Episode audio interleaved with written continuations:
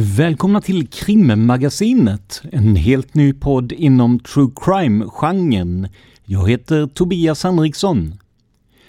Nu har det äntligen blivit dags för mig att ta steget in i true crime-sfären på riktigt efter att ha provat på den med Minuter med mod.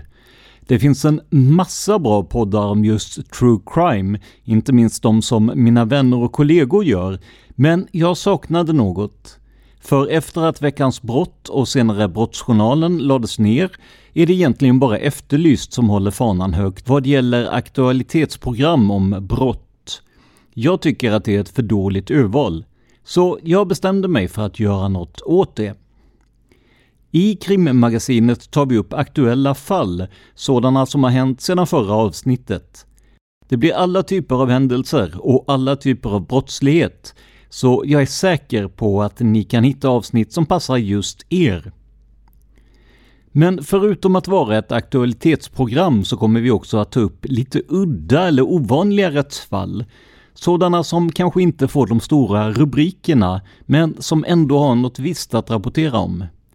Dessutom kommer det med ojämna mellanrum att bli historiska fall också. Så det finns all anledning att gå tillbaka och lyssna om på de här avsnitten, även om huvudfallet oftast är något som hänt relativt nyligen. Krimmagasinet kommer att sändas varje fredag och podden distribueras som vanligt av Acast. Än så länge är det jag, alltså Tobias, som står för såväl manus som produktion. I väntan på det första riktiga avsnittet av krimmagasinet kan jag passa på att tipsa om mina andra poddar. I Tänk om faktagranskar jag konspirationsteorier och myter för att se om det finns någon eh, sanning i dem. Med ojämna mellanrum publicerar vi också olika granskningar inom genren undersökande journalistik i den här feeden. Nya avsnitt kommer varannan torsdag. Minuter med mord grundades som en slags fredagsunderhållning för Mördarpodden som görs av Dan Hörning och Josefin Molén. Men när all fokus hamnade på de vanliga poddarna fanns det inte tid till de här korta avsnitten, så till sist blev de en egen podd.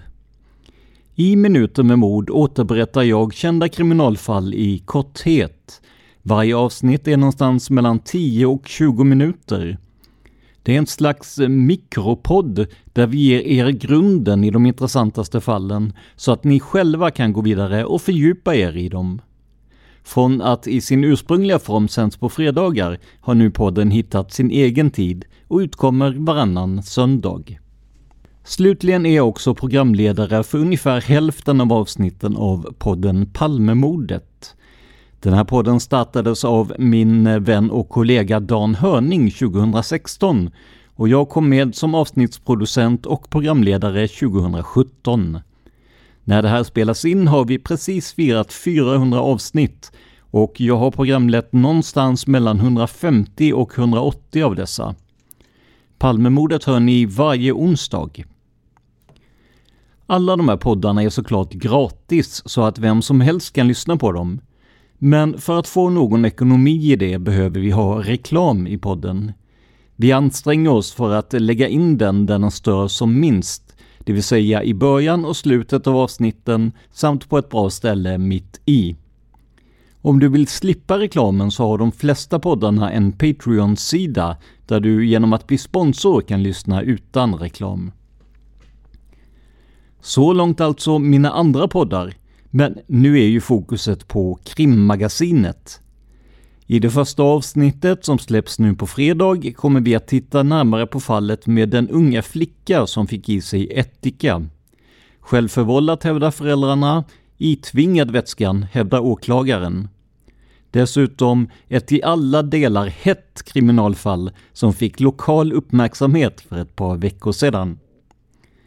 Så med det sagt, vi hörs på fredag och som vanligt är det låten Life Decisions som ni hör som intro och outro. Den görs av Remember the Future och har fått rama in alla mina poddar. Jag tycker att vi tar och lyssnar på den och så hörs vi på fredag.